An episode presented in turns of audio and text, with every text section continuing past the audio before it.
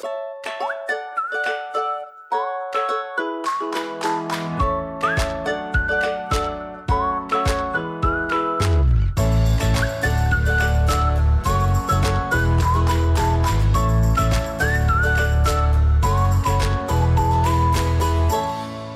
allemaal en welkom bij een nieuwe aflevering van de Wat ik wou dat ik wist podcast. De podcast waarin ik deel wat ik wel eerder had willen weten en verhalen vertel waarin jij je hopelijk herkent. De aflevering van deze week is een eh, afsluitende aflevering van 2022, want we zitten alweer aan het eind van het jaar. Het voelt echt als de dag van gisteren dat ik zo'nzelfde aflevering aan het opnemen was, maar dan voor 2021. Het is echt uh, voorbijgevlogen hoe cliché dat ook klinkt. Um, dit zal ook de laatste aflevering van dit jaar zijn voor Wat ik wou dat ik wist podcast. Um, want aankomende week heb ik lekker vrij. Ik heb mezelf als freelancer vrijgegeven. En uiteindelijk zal ik hier en daar alsnog wel wat werk aan het doen zijn. Maar zoveel mogelijk dingen probeer ik van mijn bordje af te halen om echt uh, lekker kerstfilms te kunnen kijken. En al de dingen te doen waar ik normaal niet aan toe kom. Um, wat ook dingen zijn zoals je zorgverzekering uitzoeken en uh, de laatste facturen eruit sturen. Maar um, dat, dit zal in ieder geval de laatste aflevering van wat ik wou dat ik wist zijn in 2022. Want we gaan natuurlijk nog wel door in 2023. Dat is één ding dat zeker is. Um, ja, dit is dus een aflevering waarin ik ga terugkijken op het beste en slechtste van 2022. Dus ik heb een aantal categorieën opgesteld, zoals mijn beste aankoop, film, serie, boek, juice, hobby, eten, drinken. Uh, nou, ga zo maar door. En daarin uh, ga ik dus benoemen wat voor mij mijn favoriet was. Dus de beste en uh, wat voor mij de slechtste was van het afgelopen jaar. Dus wie weet vind je dat wel leuk om uh, te horen. Blijf daarom zeker eventjes hangen tot het hoofdonderwerp. Maar zoals altijd uh, ga ik eerst nog wat blokjes met jullie doornemen. En ik begin met een terugblik op mijn week. Um, afgelopen week heb ik weer wat verjaardagsfeestjes gehad. Um, de zus van mijn vriend die um, heeft een nieuwe vriend, of in ieder geval inmiddels is hij alweer een paar maanden in de familie. Maar die was jarig en hij woont in Dordrecht. Nou, dat is nogal een eindje weg. Um, en wij kenden ook uh, zijn vrienden absoluut niet. Maar hij vond het wel heel gezellig als wij erbij wilden zijn. Dus wij zijn er naartoe gegaan. En ik vind dat eigenlijk ook altijd wel heel erg leuk. Dat je een feestje hebt waarbij je wel wat mensen kent. Want we kenden dan Niels' zus en de vriend natuurlijk. Uh, maar voor de rest kennen we eigenlijk niet echt mensen. En aan het begin is het dan altijd nog een beetje zoeken. En dan ben je, het is natuurlijk nog ook niemand aangeschoten. En dan sta je nog een beetje in het licht. En dan gaat steeds de muziek wat harder. En mensen hebben wat drankjes op. En dan komt iedereen wat meer los. Maar uiteindelijk was dat echt een mega gezellige avond. En vloog de tijd voorbij. Op een gegeven moment was het uh, vijf uur ochtends. En toen zeiden zij zelf van... Nou, zullen we maar naar huis gaan? Want we vierden het bij een uh, vriend van hem thuis. Dus niet bij hemzelf thuis. En... Um, nou, toen hebben we op een luchtbed geslapen. Dat was voor mij ook alweer een tijd geleden. Uh, sliep voor geen meter, maar dat kwam vooral door mijn vriend, die altijd nogal fijn vindt om helemaal tegen mij aan te kruipen, waardoor ik niet meer kan slapen. Maar uh, de volgende ochtend, we hadden denk ik vijf geslapen, toen zijn we nog weer naar mijn ouders gegaan. Um, en daarna zijn we naar Den Haag gegaan. Toen hebben we gepast op de uh, kat van Niels' zus. Een nachtje. En we hebben dat wel vaker gedaan. Dus die kat, die, uh, um, ja, die is ook zeker niet schuw. Dat is echt een knuffelkat. Ook die komt dan helemaal op je schoot liggen. En s ochtends uh, komt die ook bij je op bed. Wat ik echt mega gezellig vind. Um, en uh, zondag hadden we weer een uh, familielunch. Omdat uh, de oma van mijn vriend, um, moet ik het goed zeggen, 96 volgens mij is geworden. Echt een behoorlijke leeftijd al. Dus hebben we lekker gegeten met z'n allen. Dus nou, een leuke combinatie van feestjes, vrienden, familie, alles erop en eraan. Dus um, nou, heel erg naar mijn zin gehad. Ik hoop dat jij ook een leuk weekend hebt gehad. Dan gaan we door naar het lekker loeren blokje. Waarin ik kijk wat voor celebrity nieuws allemaal er is geweest afgelopen week. En um, wat voor juice er over onze BN'ers is. Ik heb uiteraard de documentaire van Harry en Meghan afgekeken. En de laatste drie afleveringen die gingen wat meer over hoe zij nou tot de beslissing kwamen dat ze het uh, Britse Koningshuis wilden verlaten. Uh, en wat er allemaal aan vooraf is gegaan. En um, ja, wel heel bijzonder om te zien en te horen vanuit hun mond hoe dat dan allemaal is verlopen. En vooral de shit die die Meghan natuurlijk over haar heen heeft gekregen in al die tijd. En ehm, in zekere zin nog steeds over zich heen krijgt. Ehm, en wat dat met een mens kan doen. En ook het verschil tussen hoe een familie werkt versus hoe een institutie werkt. Dat vond ik ook. Misschien zegt dit je niks behalve als je de serie hebt gekeken. Maar ehm, je merkte dat er bepaalde familieleden dan wel contact met hun wilden zoeken. Maar dat, dat ze dan soms ook weer teruggeroepen werden, omdat dat dan weer slecht voor de institutie was. Want het hele idee is natuurlijk dat dat Britse Koningshuis blijft bestaan en dat daar zo min mogelijk slechte publiciteit over komt. Ehm, dus ik vond die frictie tussen die twee werelden best wel interessant om uh, daarin te zien. Ehm, maar ook best wel chockerend natuurlijk wat er allemaal in naar voren komt. Uh, ook over alles wat er in totaal over Meghan is gezegd. En dat zie je nu wel. Sinds die documentaire uit is gekomen, heb ik wel het idee dat mensen daar een stuk bewuster van zijn. Er was bijvoorbeeld ook een column online gekomen van uh, Jeremy Clarkson. Daar werden ook dingen in gezegd dat ik dacht: what the fuck? Ik heb niet het hele de hele column gelezen, maar alleen wat quotes eruit. Dus misschien ook slecht, want dan weet je de context niet. Maar hij schreef onder andere dat hij droomde van de dag waarop Meghan naakt door de straten van elk dorpje in Groot-Brittannië moest lopen. Terwijl het volk schaam je roept en uitwerpselen naar haar gooit. Dat was dus een verwijzing naar de serie uh, Game of Thrones.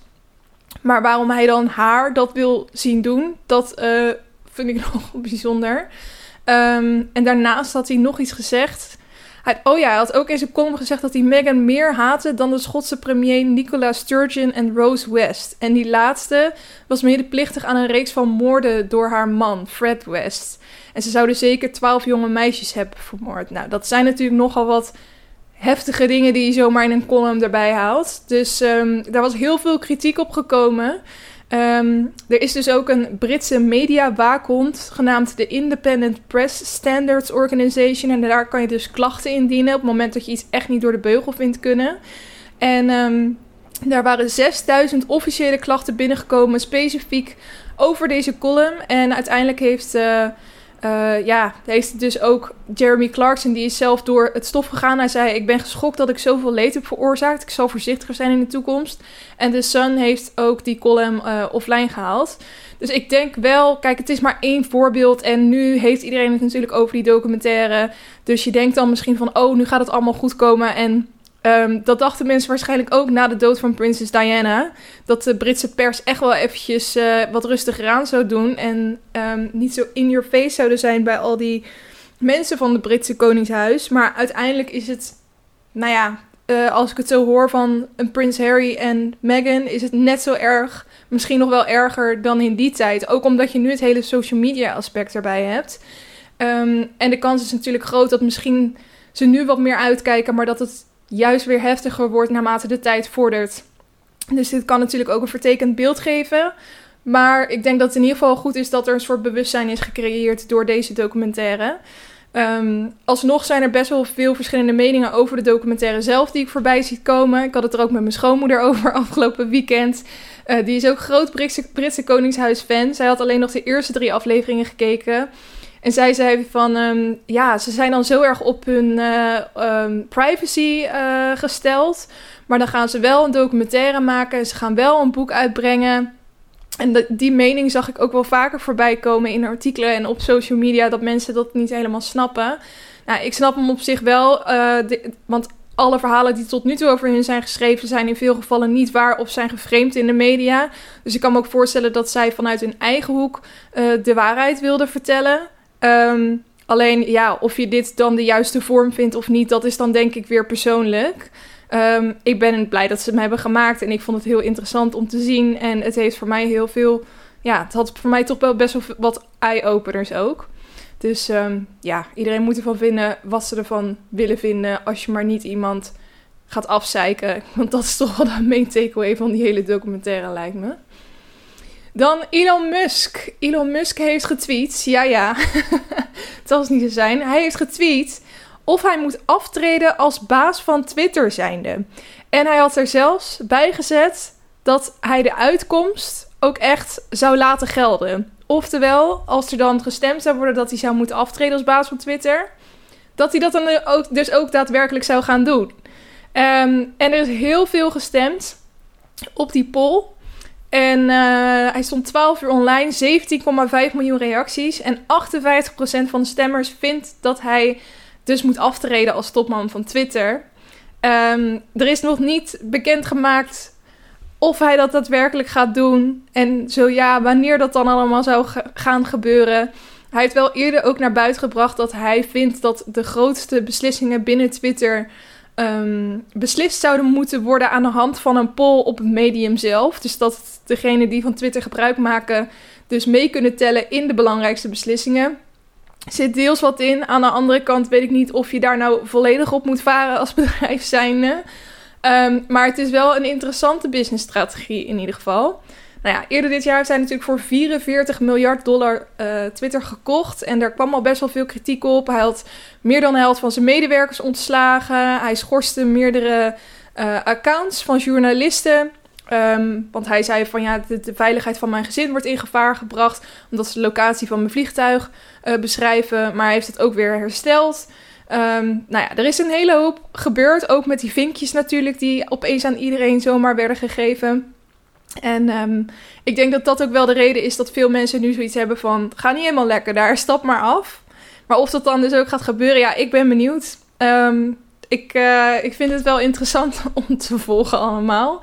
Ik had gewoon niet verwacht dat dit bij zo'n zo'n groot mediaplatform zo... Ja, het is toch wel een beetje gekkie, Hij heeft ook wel hele goede dingen die hij af en toe zegt en doet, maar... het is ook wel echt een buitenbeentje als je kijkt naar alle serieuze businessmannen die aan de top zitten. Dan heeft hij toch wel een hele andere manier van werken. Um, en ik vind het ook wel weer grappig dat hij daarmee iets losschudt of zo. Of mensen op scherp zet. Um, maar aan de andere kant is natuurlijk ook de vraag of je zo iemand inderdaad in de top van je bedrijf moet hebben. Dus uh, benieuwd hoe dit verder gaat verlopen. Um, ja, Nielsen, jongens. Ik weet niet of jullie mee hebben gekregen, maar Um, ja, Nielsen gaat blijkbaar vreemd. Dit is hoe het zit. Hij heeft al jaren, vanaf voordat hij bekend werd, is hij al samen met uh, zijn jeugdliefde. En um, dat vond ik een heel mooi iets. Uh, want ik weet best wel, dat, zeker toen aan het begin, toen hij ontzettend populair was. Nou, de meiden die zwormen, zeg je dat zo? Zwormen, zwermen, om hem heen. En um, ja, ik kan me toch best wel voorstellen dat als je dat opeens overkomt, dat dat best wel aanlokkelijk is om iets mee uh, te doen. Maar hij was trouw aan zijn jeugdliefde. Ze zijn een paar jaar geleden ook uh, getrouwd. En zij komt niet zo heel veel in de media, maar ik heb wel eens ook een foto van haar gezien. Nou ja, leuk voor hun. Maar nu uh, is er dus naar buiten gekomen dat hij vreemd gaat. Of in ieder geval vreemd is gegaan. Zo lijkt het wel te zijn. Uiteraard heeft Live of Yvonne dit op de Instagram-account naar buiten gebracht. Zij heeft uh, meerdere um, audioberichten ook gepost. Waarin je dus ziet dat hij heeft gedM'd met ja, fans, meisjes. Um, en waarin je hem dus ook echt hoort zeggen van.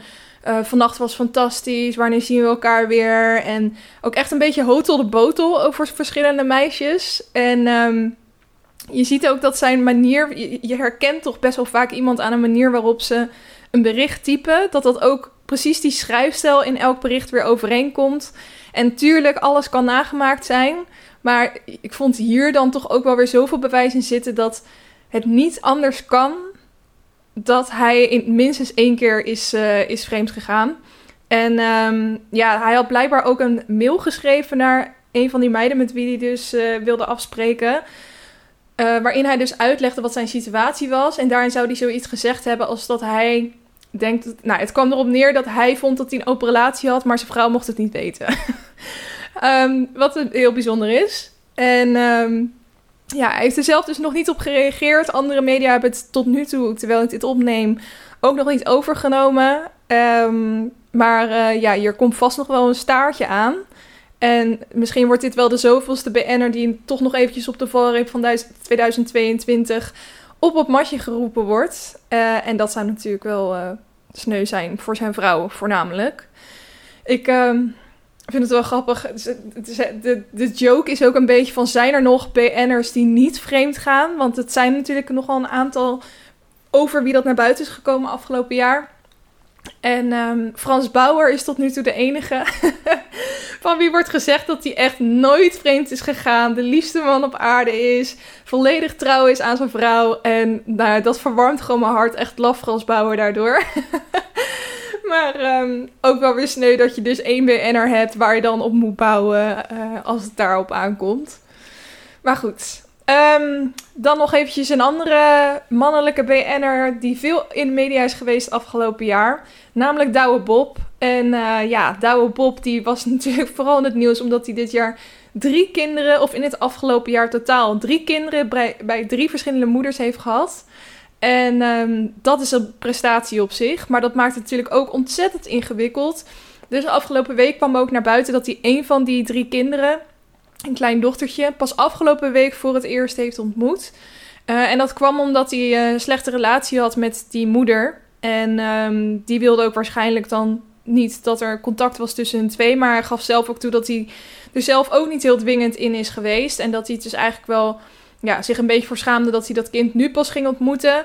Uh, nou, het is dus een meisje en hij heeft ontmoet en hij vond ook dat ze nog best wel op hem leek. En ze hebben nu wel zoiets van ik, dat hij er gewoon wil zijn voor dat kind. En dat er toch een, uh, een band opgebouwd gaat worden. Um, maar ook in dat interview, hij had een interview met AD gedaan blijkbaar. En daarin vertelde hij ook van ja, het, alles wat ik nu zeg gaat, kan, kan verkeerd vallen voor een van de drie. Dus ik heb zoiets van ik kan bijna beter niks zeggen. Want ik vind het ook gewoon lullig voor de mensen met, wie ik hier allemaal in mee heb getrokken. Um, ja, maar goed, hij is zelf heel gelukkig. Hij heeft ook uh, volgens mij afgelopen weekend zijn vriendin, huidige vriendin dus, met wie hij ook een kind heeft, uh, ten huwelijk gevraagd. Uh, en ondertussen heeft hij dus ook nog, nog twee andere kinderen waar hij ook het contact mee goed gaat onderhouden vanaf nu. Interessant, interessant. Hij heeft wel humor overigens, want ik zag een artikel uh, voorbij komen waarbij het, het ging ook over een celebrity. Ik weet even niet meer welke, maar die had iets van zeven kinderen bij vijf verschillende moeders in twee jaar of zo gekregen. Nou, zoiets. In, misschien nog wel meer. En toen had Douwe Bob daar zelf onder gereageerd met... Oh shit, ik moet aan de bak of iets in die trant. Toen dacht ik, nou ja, je, je, je kan in ieder geval wel zelfspot hebben en de lol ervan inzien. Dat het, ja, het is ook wel um, iets wat niet veel mensen meemaken, denk ik. Drie kinderen in één jaar bij drie verschillende moeders. Goed, we gaan door naar het Lekker Leven blokje, waarin ik allerlei tips geef om jouw leven leuker en lekkerder te maken. Ik wil beginnen met een doetip, want zoals ik in het begin al zei, was ik afgelopen week in Den Haag. En um, daar was ik niet zomaar. Natuurlijk ook om uh, op de kat te passen van mijn vriendse zus. Maar ook omdat daar zo de Royal Christmas Fair was. Daar ben ik één keertje eerder geweest. Het is eigenlijk gewoon een grote kerstmarkt. Um, op de lange voorhout, als dat je wat zegt. En dat wordt altijd wel heel erg leuk en gezellig aangepakt. Er hangen allemaal lampjes, je kan glühwein halen, warme chocomel. En dus ontzettend veel kraampjes met allemaal leuke hebben dingetjes. Van sieraden tot tweedehands kleding.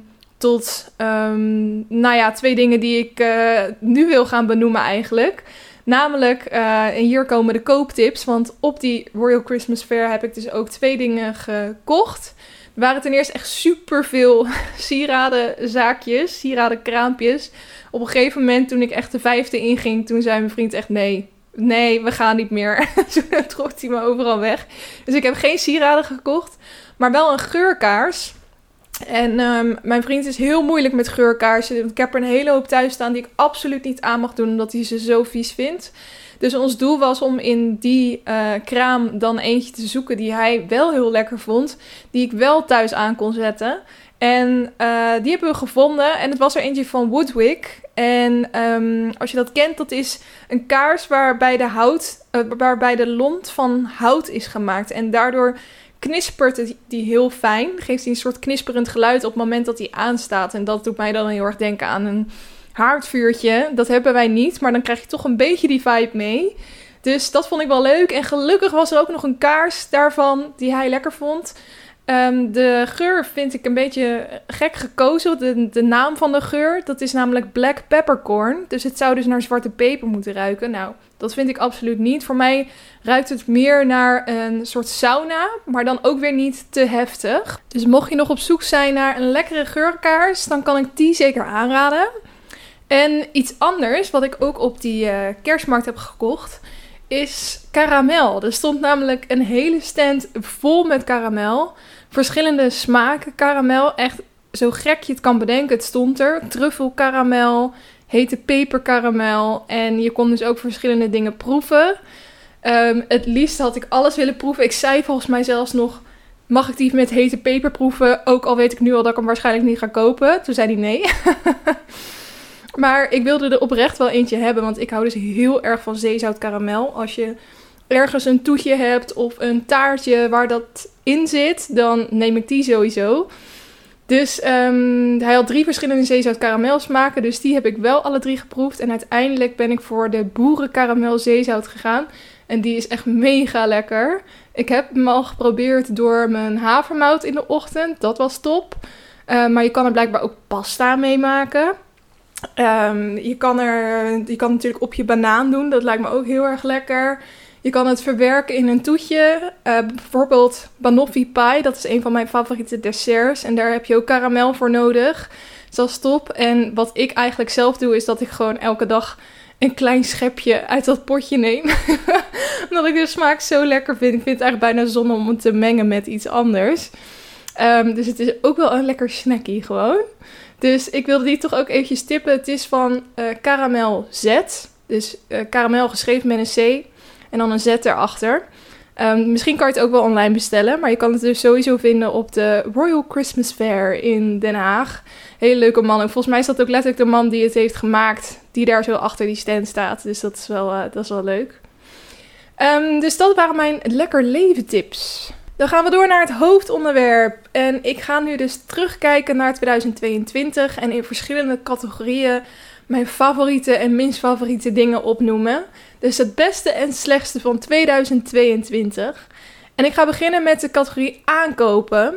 Uh, dus ik heb even gekeken wat heb ik afgelopen jaar allemaal gekocht. Wat was nou echt een goede aankoop? En wat nou net eventjes iets minder. En um, wat toch wel mijn beste aankoop van afgelopen jaar was, was mijn nieuwe iPhone. Ik heb uh, heel lang gedaan met een iPhone 10. Die werkte in principe prima. Um, maar ik heb toch voor besloten om toen de iPhone 14 Pro. Ik heb dus, ik heb dus iPhone 14 Pro Max. Uh, toen die uitkwam, toen zaten we dus ook die, ja, hoe, hoe zeg je dat, die presentatie van Apple te kijken over dat ding. Toen zag ik dat hij ook nog eens een hele goede camera had en dat uh, de batterijduur veel langer was. Toen dacht ik, nou, op zich met mijn werk en um, met het feit dat we naar Amerika gaan, dat allemaal meegenomen, is dat misschien wel een goede aankoop. Dus die heb ik uiteindelijk genomen en ik kon hem dus gelijk testen tijdens onze Amerika-reis. En ik heb daar echt fantastische foto's en video's kunnen nemen. En nog steeds ben ik er super blij mee, want hij gaat gewoon bijna niet leeg. Uh, afgelopen weekend was ik, uh, nou ja, toen bleef ik dus slapen ergens. En toen had, was ik mijn oplader vergeten mee te nemen. En toen dacht ik, oh, morgen allemaal dingen aan de hand. En daar heb ik eigenlijk mijn telefoon voor nodig. Dus ik was een beetje bang. Maar uiteindelijk heeft hij het gewoon meer dan twee dagen gered zonder opgeladen te worden. Nou, ik kan me niet herinneren wanneer ik voor het laatst een telefoon heb gehad waarmee ik dat kon doen.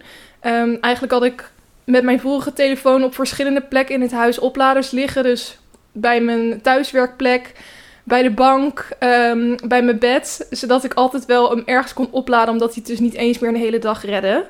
Um, dus ik ben heel blij dat dat nu ook opgelost is. En met uh, nou ja, alle nieuwe features die erop zitten, vond ik dat toch wel een erg goede aankoop. Ook al was het misschien, ja, ik denk, ik zit even te denken. Ja, ik denk wel dat het ook mijn duurste aankoop van afgelopen jaar was. Dus ik ben heel blij dat het duurste dan ook gelijk een goede aankoop is. Dan heb ik ook nog iets anders. Een uh, slechte aankoop. Um, ik weet ook even niet hoe ik op dit idee ben gekomen überhaupt. Maar um, als ik mijn make-up doe, s ochtends, dan gebruik ik beauty blenders. Dus dat zijn van die kleine sponsjes waarmee je foundation dan op je gezicht hebt.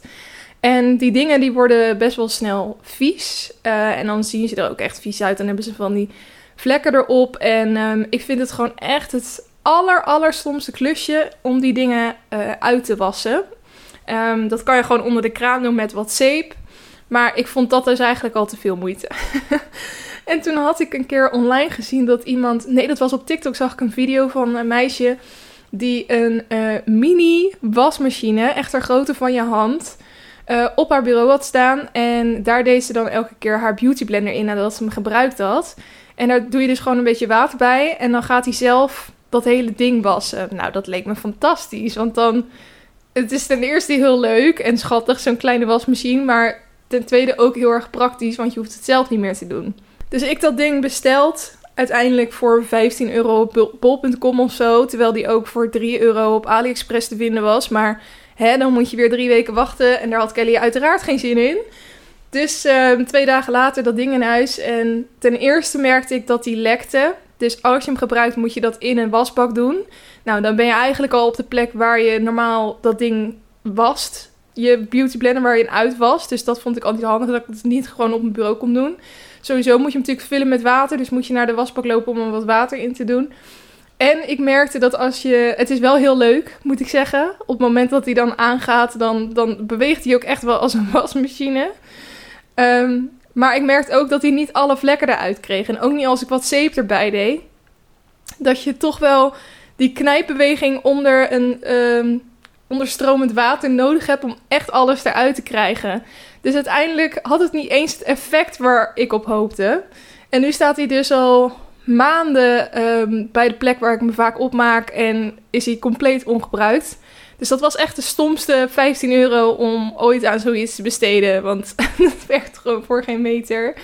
Ehm, ja, dat is echt zo typisch iets. Je ziet iets, je denkt ik moet het hebben, je koopt het en dan kom je erachter dat het helemaal niet zo praktisch is als dat je in eerste instantie had gedacht. Dus dat is denk ik wel mijn slechtste aankoop van 2022. Maar goed, gelukkig maar 15 euro. Dan gaan we door naar de categorie films. Um, de beste film die ik heb gezien. Ja, je gaat toch automatisch natuurlijk wel terugdenken aan de films die je het meest recent hebt gezien. Maar ik heb ook wel eventjes door mijn podcast aantekeningen van afgelopen jaar heen gekeken of ik nog andere films heb getipt waarvan ik denk die zijn toch nog beter. En dat kwam ik niet echt tegen. Dus ik ga denk ik toch voor The Swimmers. Dat is een film die ik uh, nou ergens in de afgelopen maand nog getipt heb in uh, het Lekker Leven blokje van mijn podcast. En um, daarin heb ik ook verteld waar die over gaat. Maar ik kan het nog wel eventjes kort benoemen, mocht je niet weten uh, waar deze film over gaat. Hij staat dus op Netflix en het gaat over twee Syrische zussen. En um, de oorlog is gaande en zij moeten dus gaan vluchten. Ze willen naar Duitsland toe. En ze zijn allebei um, hoogniveau zwemmers. Um, ze zijn zelfs aan het trainen voor de Olympische Spelen. En um, nou ja, je ziet dus eigenlijk hun reis naar Duitsland toe. En ook hoe het verder vergaat met hun zwemcarrière. En het is ontzettend goed geschoten. Het is natuurlijk op waarheid gebaseerd. Zeker ook het specifieke verhaal van een meisje dat dus Olympisch kampioen zwemmen aan het worden is. En dan door zijn oorlog getroffen wordt. Dat verhaal bestaat ook echt. Uh, en dat maakt het voor mij altijd wel sterker. En um, ja, er zitten gewoon heel veel elementen in die ik, die samen gewoon een heel mooi geheel hebben gecreëerd met ook nog eens een hele goede boodschap. Dus ik zou denk toch voor de Swimmers gaan. Dus mocht je die nog niet gezien hebben, ga die zeker kijken op Netflix. Een film die ik ook heb gekeken afgelopen jaar. en waar ik heel veel spijt van heb, want dat was echt tijdverspilling. Is Fuck de Liefde 2. Ik heb zelfs eerst nog Fuck de Liefde 1 gekeken omdat 2 toen online kwam uh, op Videoland, was dat dan denk ik. Uh, en toen dacht ik, ja, misschien moet ik één wel gezien hebben voor het verhaal. Dus eigenlijk zijn het zelfs drie uur die ik verspeeld heb. Um, want ze waren allebei even slecht. Maar goed, ik had ook niet enorm hoge verwachtingen. Want het blijft natuurlijk wel een Nederlandse film. Maar als ik ook ik, ik, was net eventjes alles aan het opzoeken en toen zag ik ook weer die trailer van die film. Toen dacht ik, dit is me toch ook een partijtje slecht geacteerd en zo voorspelbaar script. En waarom heb ik dit überhaupt gekeken? Maar ja, ik heb toch ook wel een beetje een zwak voor Nederlandse films. In zoverre dat ik soms zelfs over het slechte acteerwerk heen kan stappen. Um, maar ik zou hem toch niet echt aanraden aan iemand om te kijken. Dus mocht je er nog over twijfelen, Fuck de Liefde 1 en 2 hoef je eigenlijk niet echt te zien. Um, ik denk dat je het verhaal precies kan uittekenen. En dat je het ook dus niet voor het goede acteerwerk hoeft te doen. Ik vind het toch altijd knap hoe ze ook weer zoveel bekende spelers voor zo'n film weten te krijgen. Je kan inmiddels ook voorspellen welke mensen aan de eerstvolgende Nederlandse romcom mee gaan doen. Het zijn ook bijna altijd dezelfde mensen.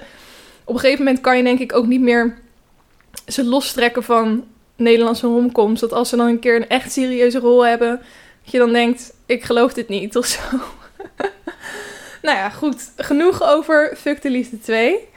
Dan gaan we nu naar de categorie series. Ik heb zo ontzettend veel goede series gekeken afgelopen jaar. Dus ik vond dit echt heel lastig kiezen. Ehm, bijvoorbeeld ook gewoon de wat luchtigere series zoals The Summer I Turn Pretty. Vond ik heel leuk. Euphoria vond ik heel vet. Ehm, daar was ook nog een seizoen van dit jaar wat ik heb gezien. Maar ehm, waar ik toch uiteindelijk wel voor ga, is twee. Twee staan voor mij samen op, e- op plek nummer één. En dat is House of the Dragon. Uiteraard, als Game of Thrones fans, als Game of Thrones fan kon ik hier natuurlijk niet onderuit. Ik vond het echt een hele vette serie. En ehm, ja, ondanks dat veel mensen ook zeiden van dat ja, dan ga je het natuurlijk automatisch vergelijken met Game of Thrones en dan vonden ze het minder. Voor mij was het gewoon echt dezelfde vibe en ik zat er net zo erg in als bij Game of Thrones en ik was zo blij dat er weer een soort van sequel was. Ehm, of eigenlijk een prequel natuurlijk. Dus ehm, ja, die vond ik heel erg vet. En Damer vond ik ook echt insane. Heeft heel veel indruk op me gemaakt. Ehm, dat is de serie over uh, de seriemoordenaar. En um, nou ja, dat is dus ook weer een waar gebeurd verhaal. Maar heel goed geacteerd. En ik vond die serie ook ontzettend goed opgebouwd. Uh, je krijgt echt heel het verhaal mee. Maar ook hoe het daarna is vergaan. Wat voor effect het heeft gehad op de mensen eromheen. Op de slachtoffers, familie van de slachtoffers. Uh, en hoe iemand zover komt dat hij een seriemoordenaar wordt. En is het dan iets in het brein of is het iets in de opvoeding? Dat vond ik ook heel interessant eraan. Dan gaan we nu naar de categorie boeken. Um, ik heb uh, meerdere boeken gelezen afgelopen jaar, een stuk of 10, 11 denk ik. En uh, daar waar de rivierkreeften zingen, Where the Crawdads Sing van Celia Owens. Dat vond ik toch wel echt het vetste boek om te lezen. Omdat je daar compleet in een specifieke wereld wordt getrokken. En um, uiteindelijk natuurlijk ook de verfilming gezien. En die vond ik uh, ook heel erg tof. Maar vooral het boek en die wereld en, en, en, het hele verhaal zit natuurlijk ook weer een, een moord in die opgelost moet worden. Um, en om mee te krijgen hoe het is om op te groeien in zo'n moeras en waar je dan allemaal tegenaan loopt. Ja, ik vond het echt heel mooi beschreven, heel mooi geschreven, dat boek. Uh, dus die staat voor mij wel op één voor afgelopen jaar. En het slechtste boek wat ik heb gelezen is They Both Die at the End van Adam Silvera. Daar had ik best wel hoge verwachtingen van. Het is wel echt een bestseller. Alleen ik vond hem ontzettend deprimerend. Um, mocht je hem niet kennen, hij gaat over twee jongens die. Uh, het is een wereld waarin je een berichtje krijgt aan het begin van de dag waarop je doodgaat. Dus er zijn twee jongens die op dezelfde dag dat bericht krijgen. En um, je hebt dan ook een platform waarbij je elkaar kan opzoeken als um, je het fijn vindt om iemand in hetzelfde schuitje te ontmoeten. Dus die twee gasten die ontmoeten elkaar dan en dan lees je dus eigenlijk hoe zij hun laatste dag beleven. Maar ik werd er helemaal niet ingetrokken. En nou wat ik zei, ik vond het dus vooral heel erg deprimerend. Omdat je dus inderdaad weet, ze gaan allebei dood aan het einde. Dus ja, wat maakt het nou eigenlijk allemaal uit? Um, dus dat, dat deed hem eigenlijk niet voor mij. Dat kan ook gewoon persoonlijke smaak zijn. Uh, maar ik vond hem dus wel echt, uh, echt wat minder dan de andere boeken die ik afgelopen jaar heb gelezen. Dus die zou ik op de laatste plek zetten.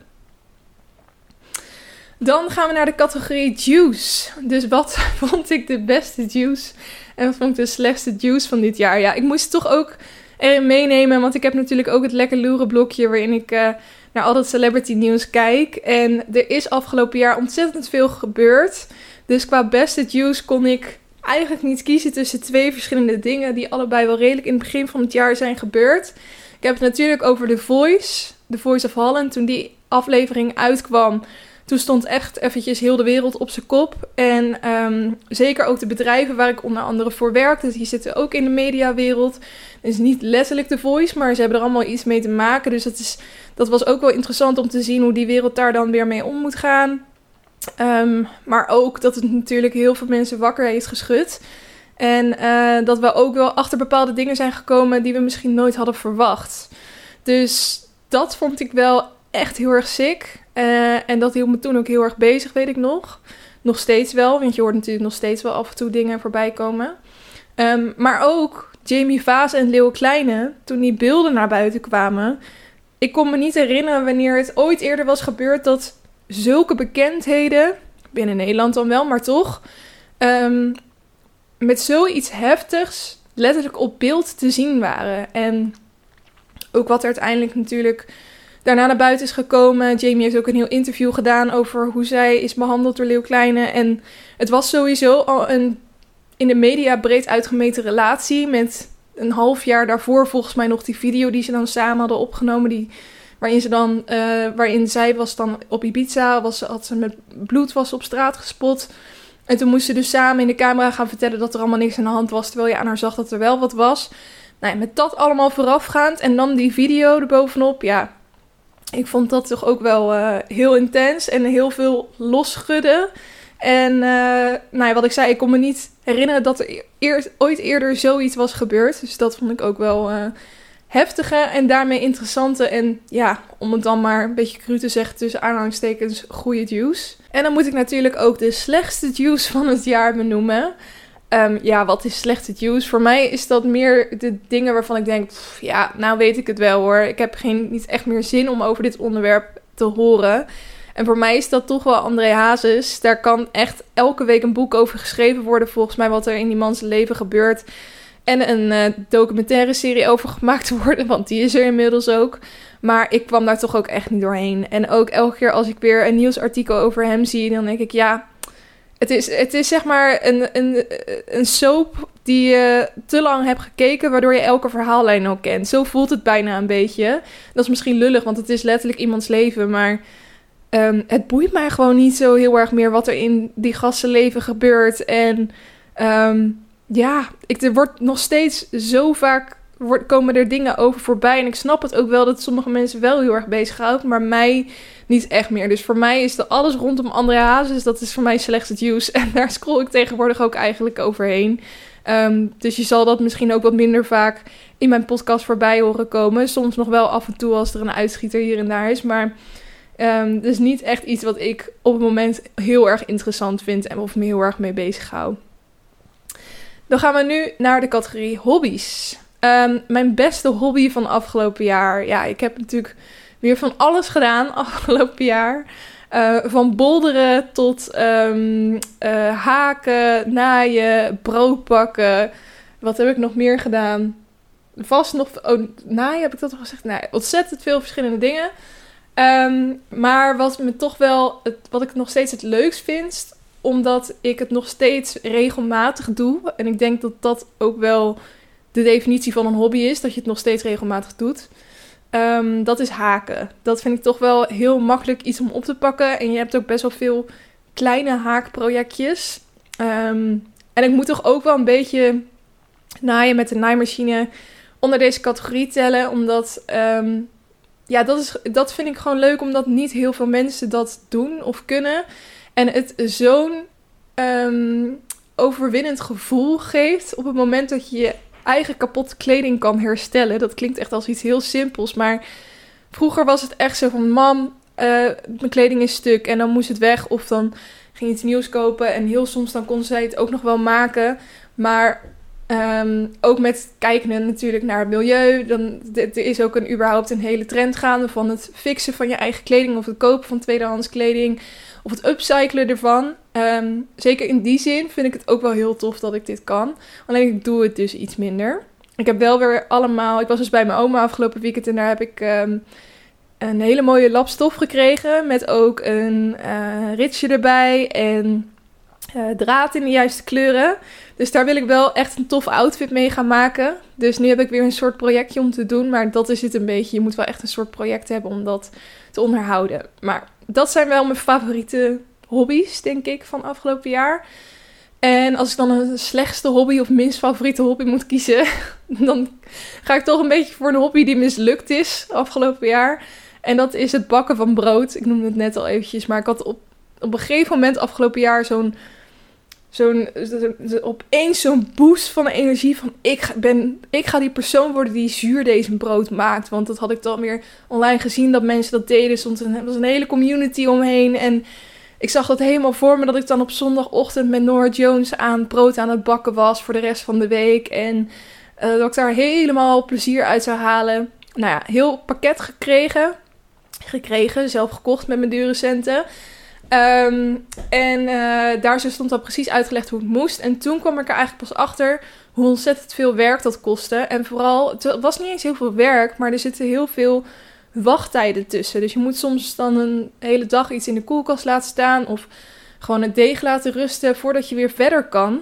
En, en dat gaf voor mij niet genoeg satisfaction. Ik wilde die instant gratification en die kon ik er niet uithalen. Uh, al was het brood wel ontzettend lekker wat ik eruit had gehaald.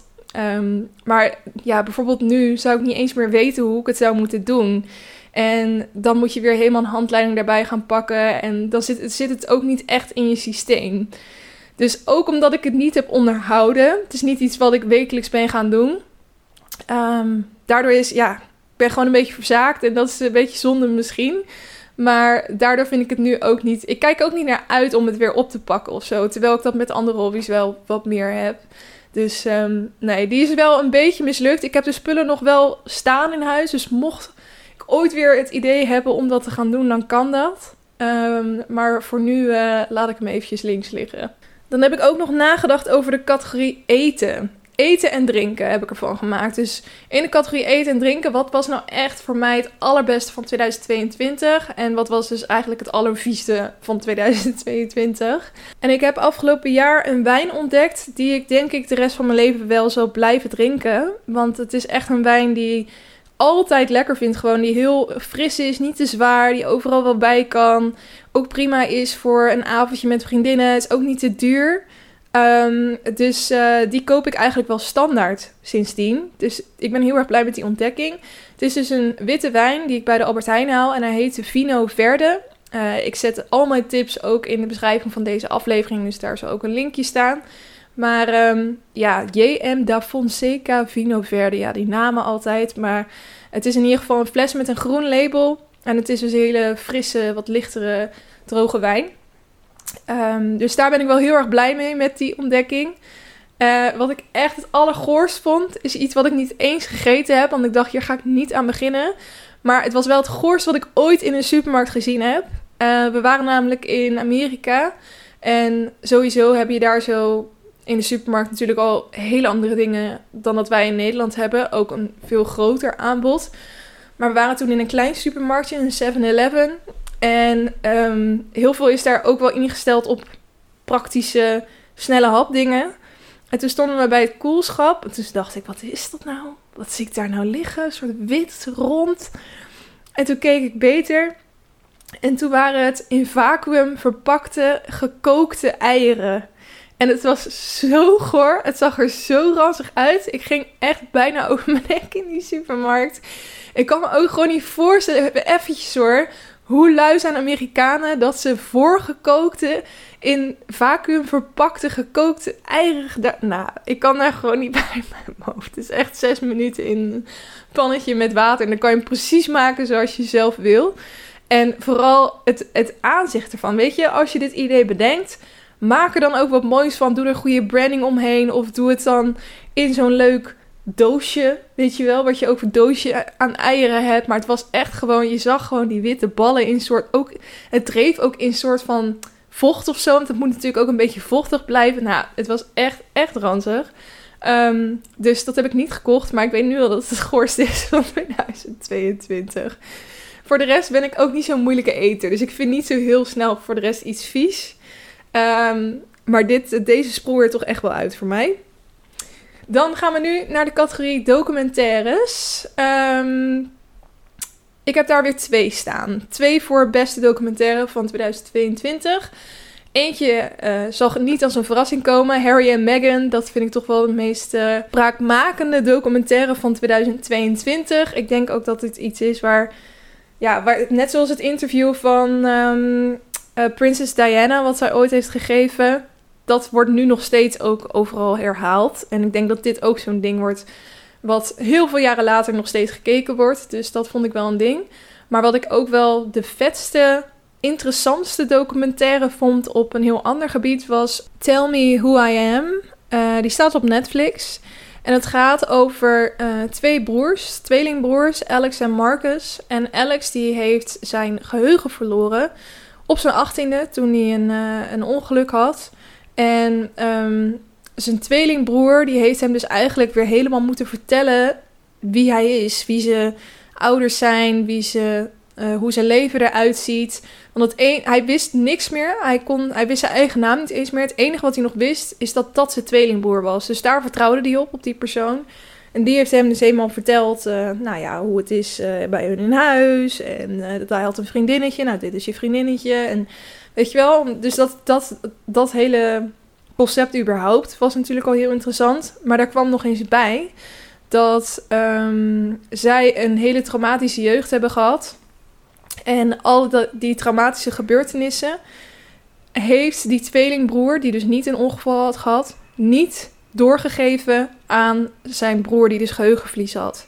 Dus hij heeft hem eigenlijk soort van beschermd en hem dus een beeld geschetst van hoe zijn jeugd eruit heeft gezien en zag op dat moment, hij was 18, dus hij zat eigenlijk nog een soort van in zijn jeugd, um, dat misschien niet klopte, maar wel rooskleurig en positief was. Eigenlijk de jeugd die hij graag had willen hebben en die hij ook zijn broer gunde. Alleen um, later is hij er dus wel achter gekomen dat dat dus niet zo was, dat dat niet de waarheid was en dat er wel heftige dingen in zijn jeugd zijn gebeurd. En dan kom je natuurlijk ook met het probleem dat je je eigen tweelingbroer misschien niet eens meer kan vertrouwen. Van wat is nou wel echt en wat is er niet echt. Van alles wat ik destijds over mezelf heb geleerd en over de mensen om me heen. Um, dus ik vond het een ontzettend sterke documentaire. Tell Me Who I Am. Als je hem nog niet gezien hebt, ga hem zeker kijken op Netflix. Het hoor je ook echt te weinig mensen over. Hij komt uit 2019. De slechtste documentaire van 2022, die kon ik eigenlijk niet echt opnoemen. Want ik heb vooral hele goede documentaires gezien. En geen één waarvan ik dacht, nou, dat was een waste of my time. Um, bijvoorbeeld ook Stuts, daar heb ik het pas nog over gehad met Jonah Hill. Vond ik ook een hele goede documentaire. Um, Our Father heb ik ook gezien over iemand die uh, ongeveer 100, meer dan 100 kinderen op de wereld had gezet. Zonder dat die vrouwen dat wisten dat dat zaad van die man was, zeg maar. Um, ja, ontzettend veel toffe documentaires zijn er afgelopen jaar uitgekomen en heb ik gezien. Dus een slechte kon ik niet echt opnoemen eigenlijk. Dus we gaan door naar de volgende categorie en dat is apps. Um, de app van afgelopen jaar, naast TikTok natuurlijk, maar dat gebruikte ik voor dit jaar al, uh, is voor mij toch wel Be Real. Want dat is afgelopen jaar uitgekomen, denk ik. In ieder geval heeft het zijn grote populariteit natuurlijk wel afgelopen jaar verkregen. En sindsdien is het een dagelijks onderdeel van mijn leven. Dus dat vind ik wel knap dat je dat als app voor elkaar krijgt überhaupt. Um, ook wel leuk, je hebt natuurlijk Spotify Wrapped. En zij hadden dus ook een uh, soort Wrapped versie gedaan. Dus je kan nu, uh, mocht je dat nog niet weten, in de Be Real app een uh, download doen van een video die ze dan speciaal voor jou hebben gemaakt. Waarbij ze al je Be Reals van het afgelopen jaar achter elkaar hebben gezet.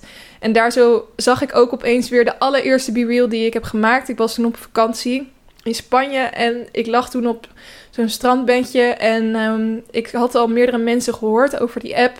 En toen dacht ik, ja, wat is dit nou? Want niemand die ik persoonlijk kende maakte er gebruik van. Um, maar ik had wel zoiets van, volgens mij is dit echt een ding, weet je wel? Dus ik heb dat toen gedownload, maar er was helemaal niks aan. Want ja, wat ik zei, niemand die ik kende, die zat erop. Um, dus uh, toen ben ik ook allemaal mensen gaan uitnodigen. Zitten jullie op BeReal? Maak een account aan, maak een account aan. Uh, en toen kreeg ik eindelijk wat leuke content te zien. En sindsdien zitten natuurlijk ontzettend veel mensen erop. En um, ja, ik, ik vond het ook wel heel erg leuk om met die video ook terug te kijken. Je kan natuurlijk ook zelf in je archief terugkijken naar elke dag wat je precies die dag hebt gedaan. Hoe dat er toen uitzag.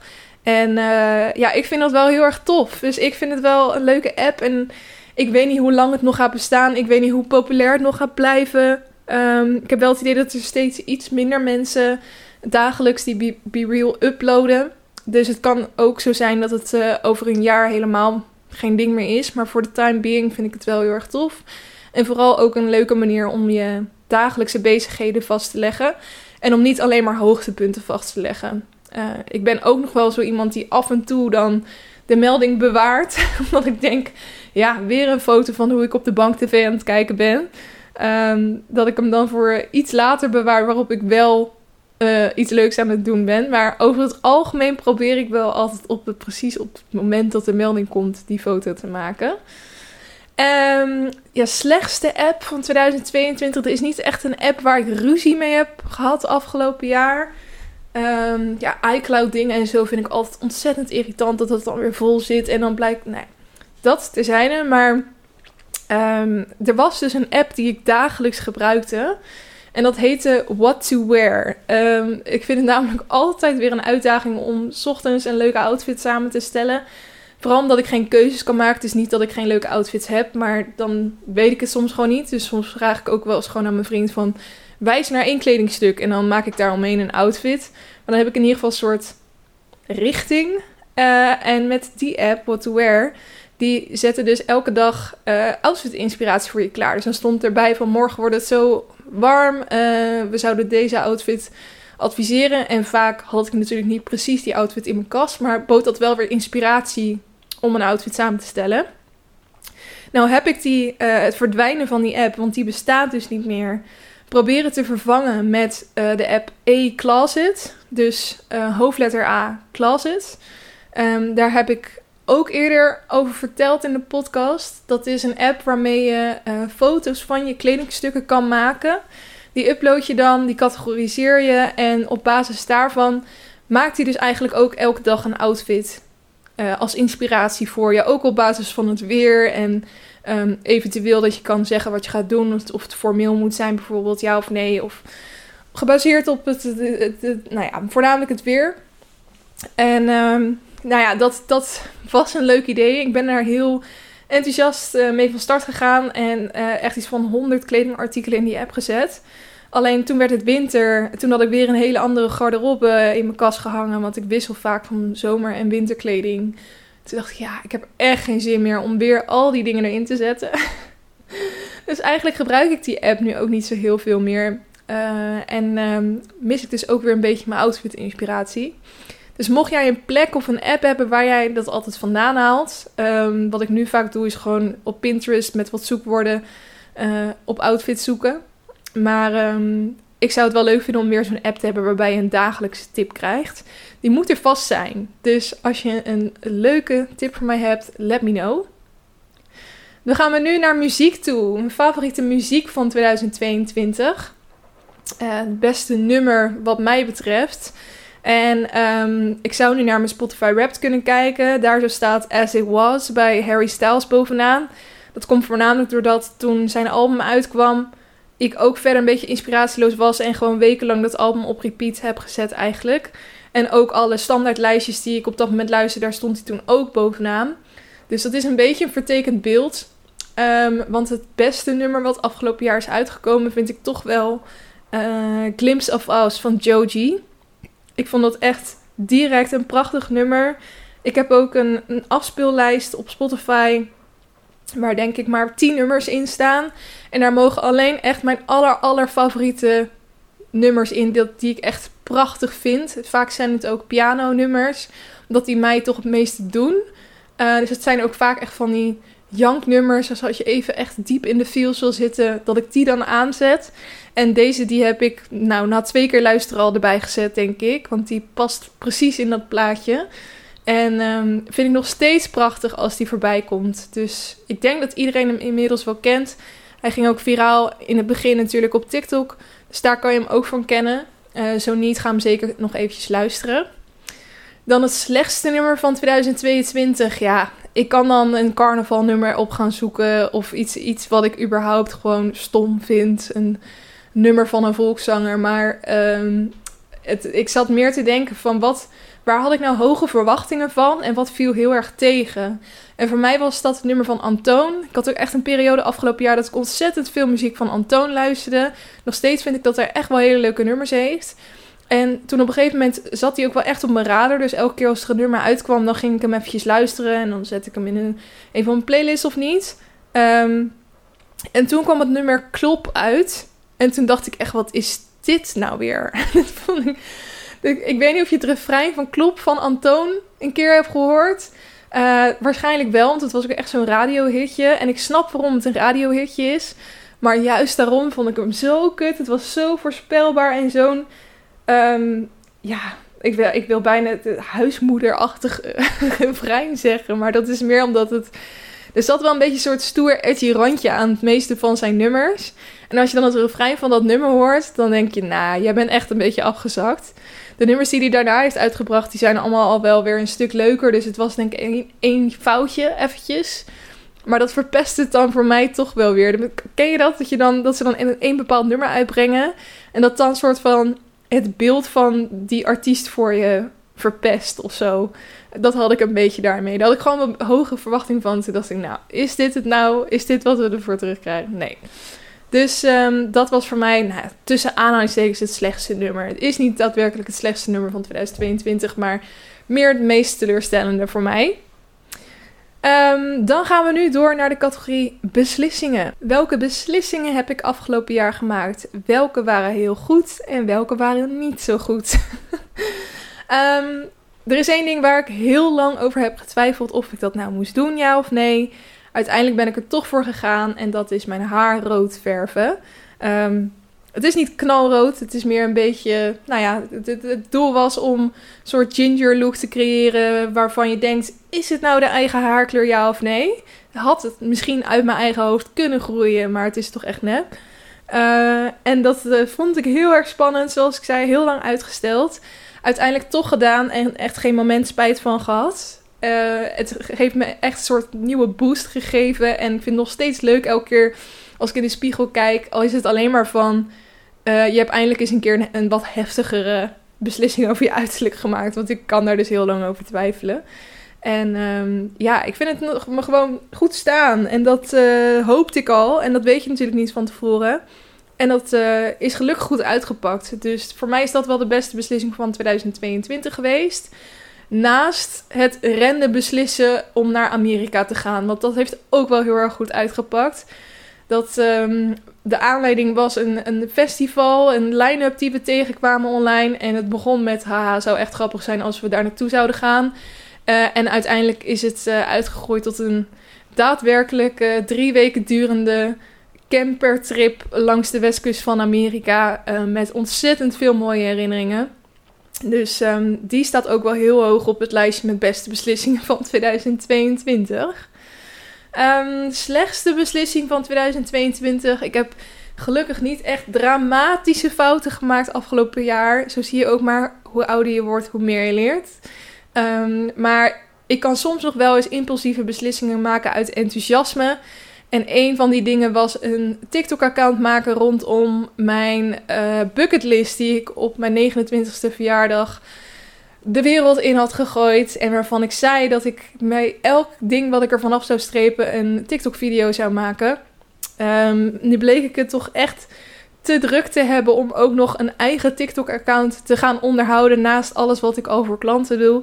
Dus uh, dat is er heel erg bij ingeschoten en dat uh, is na een paar video's gestopt.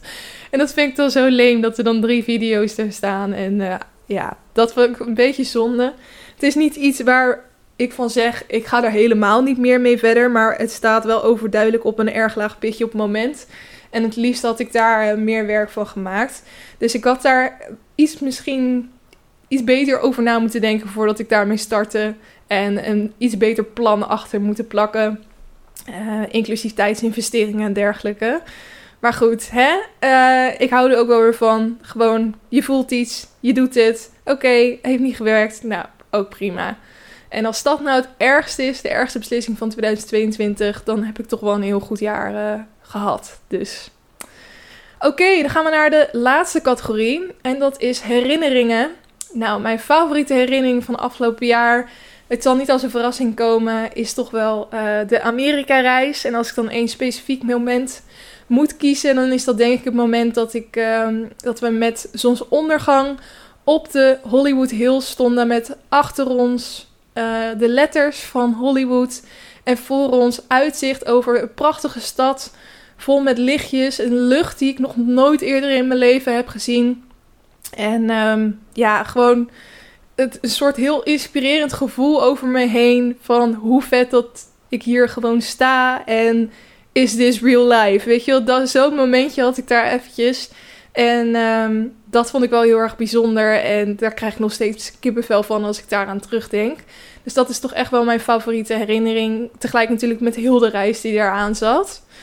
Ehm, mijn slechtste herinnering, of wat, wat ik liever zou willen vergeten van afgelopen jaar. Ik mag zelf gelukkig van geluk spreken uh, dat mij uh, niet hele heftige, nare, slechte dingen zijn overkomen afgelopen jaar. Maar wat ik wel heel erg vind, is dat uh, veel mensen in mijn omgeving en voornamelijk uit mijn vriendinnengroep, dat dat daarbij wel is gebeurd. Het was echt een slecht jaar voor uh, de meiden uit mijn vriendinnengroep. Van een gebroken rug tot een buitenbaar moeilijke zwangerschap, huisdieren die overleden, familieleden die ziek werden. Uh, soms zelfs kinderen die ziek werden, die kanker kregen. Ja, het is echt heel heftig allemaal geweest. En uh, dat doet mij ook gewoon heel erg pijn om mensen van wie je houdt. Um, ja, zulke nare dingen te zien overkomen. En um, dat je daar zo elke keer maar weer een, een slecht bericht voorbij ziet komen. En dat je denkt, hoezo? Weet je wel, en dat, dat kan je ook niet verklaren. Dus is geen reden voor waarom de ene persoon heel veel slechte dingen tegelijk meemaakt en de andere persoon niet. Maar je gunt het gewoon niemand. En zeker niet je beste vriendinnetjes. Dus dat was best wel pijnlijk uh, en ook moeilijk. Want hoe uh, help je zo iemand? Soms dan kan je ze ook niet helpen.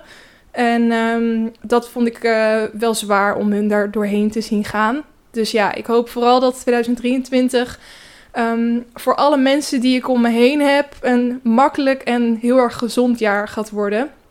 En uh, daarbij kom ik dus ook aan bij het vooruitkijken naar 2023. Want daar wil ik deze aflevering toch wel eventjes mee afsluiten. 2022 is al een heel mooi jaar geweest. Maar 2023 gaat ook heel erg bijzonder worden. Want dat is het jaar waarin uh, mijn vriend en ik voor het eerst een huis gaan kopen of een poging gaan doen tot. je weet het natuurlijk niet in deze woningmarkt. Maar uh, dat gaat wel eventjes een heel spannend proces worden. En ik heb natuurlijk ook al veel um, mensen om me heen daardoorheen zien gaan. En ook tegen heel veel dingen aan zien lopen. Dus uh, er zullen vast wat haken en ogen aan gaan zitten. Maar wel een heel uh, tof nieuw project. En daarnaast willen we eigenlijk zodra we dat huis hebben ook een, eh, een hond nemen. Dat is echt al jaren onze droom. Dus voor het eerst een eigen huisdier hebben. Ik ben altijd wel opgegroeid met huisdier. Maar voor het eerst een eigen puppy die je helemaal moet gaan opvoeden. Dat vind ik ook wel iets. Uh, nou, dat gaat vast wel pittig worden. Maar ik kijk er ontzettend naar uit. Lijkt me zo gezellig om elke dag een beestje om je heen te hebben. Daarnaast hebben we ook al wat leuke reisjes geboekt staan. Dus in februari gaan we om wintersport met wat vrienden naar Oostenrijk. Uh, en ik heb ook al tickets voor het eerste festival, namelijk Down the Rabbit Hole. Daar gaan we ook met een groep vrienden naartoe. Uh, en daar kijk ik ook ontzettend naar uit. Afgelopen jaar zijn we namelijk niet naar een festival geweest waarbij je echt meerdere dagen met een tent staat en in de Nederlandse temperaturen, zeg maar, omstandigheden. En um, dat uh, heb ik op een of andere manier toch ook wel weer gemist. Het is wel echt altijd een bijzondere sfeer op zo'n meerdaags festival. Dus uh, dat vind ik ook wel heel erg tof. En voor de rest hoop ik gewoon heel veel mooie en bijzondere momenten te beleven met uh, mijn familie, met mijn lieve vrienden, lieve vriendinnen. En um, ja, dat de mensen van wie ik hou gewoon ook een heel erg fijn jaar tegemoet gaan. Met vooral heel veel gezondheid en zo min mogelijk problemen. Uh, ik hoop een stuk minder dan afgelopen jaar in ieder geval. En um, ja, dat wens ik jullie ook allemaal toe. Ik wil jullie ook heel erg bedanken voor het luisteren naar de podcast afgelopen jaar. Het is zo bijzonder om elke keer weer te zien dat mensen blijven luisteren. Dat zie ik natuurlijk ook in mijn statistieken terug. En uh, ja, dat vind ik ook wel heel tof om te zien dat we zo'n sterke community met z'n allen hebben. Uh, en dat jullie toch op een of andere manier verbonden voelen met mij via deze enorm lange audioberichten, om het zo maar te zeggen. En ik wens jullie ook allemaal een heel fijn 2023 toe. Vol geluk en gezondheid. En uh, hopelijk met heel veel leuke podcastafleveringen die ik voor jullie kan gaan maken in dat jaar. Dus bedankt voor het luisteren. En een hele fijne jaarwisseling. Hele fijne feestdagen. Fijne kerst aankomend weekend. En dan uh, spreek ik jullie weer in 2023. Doei doei!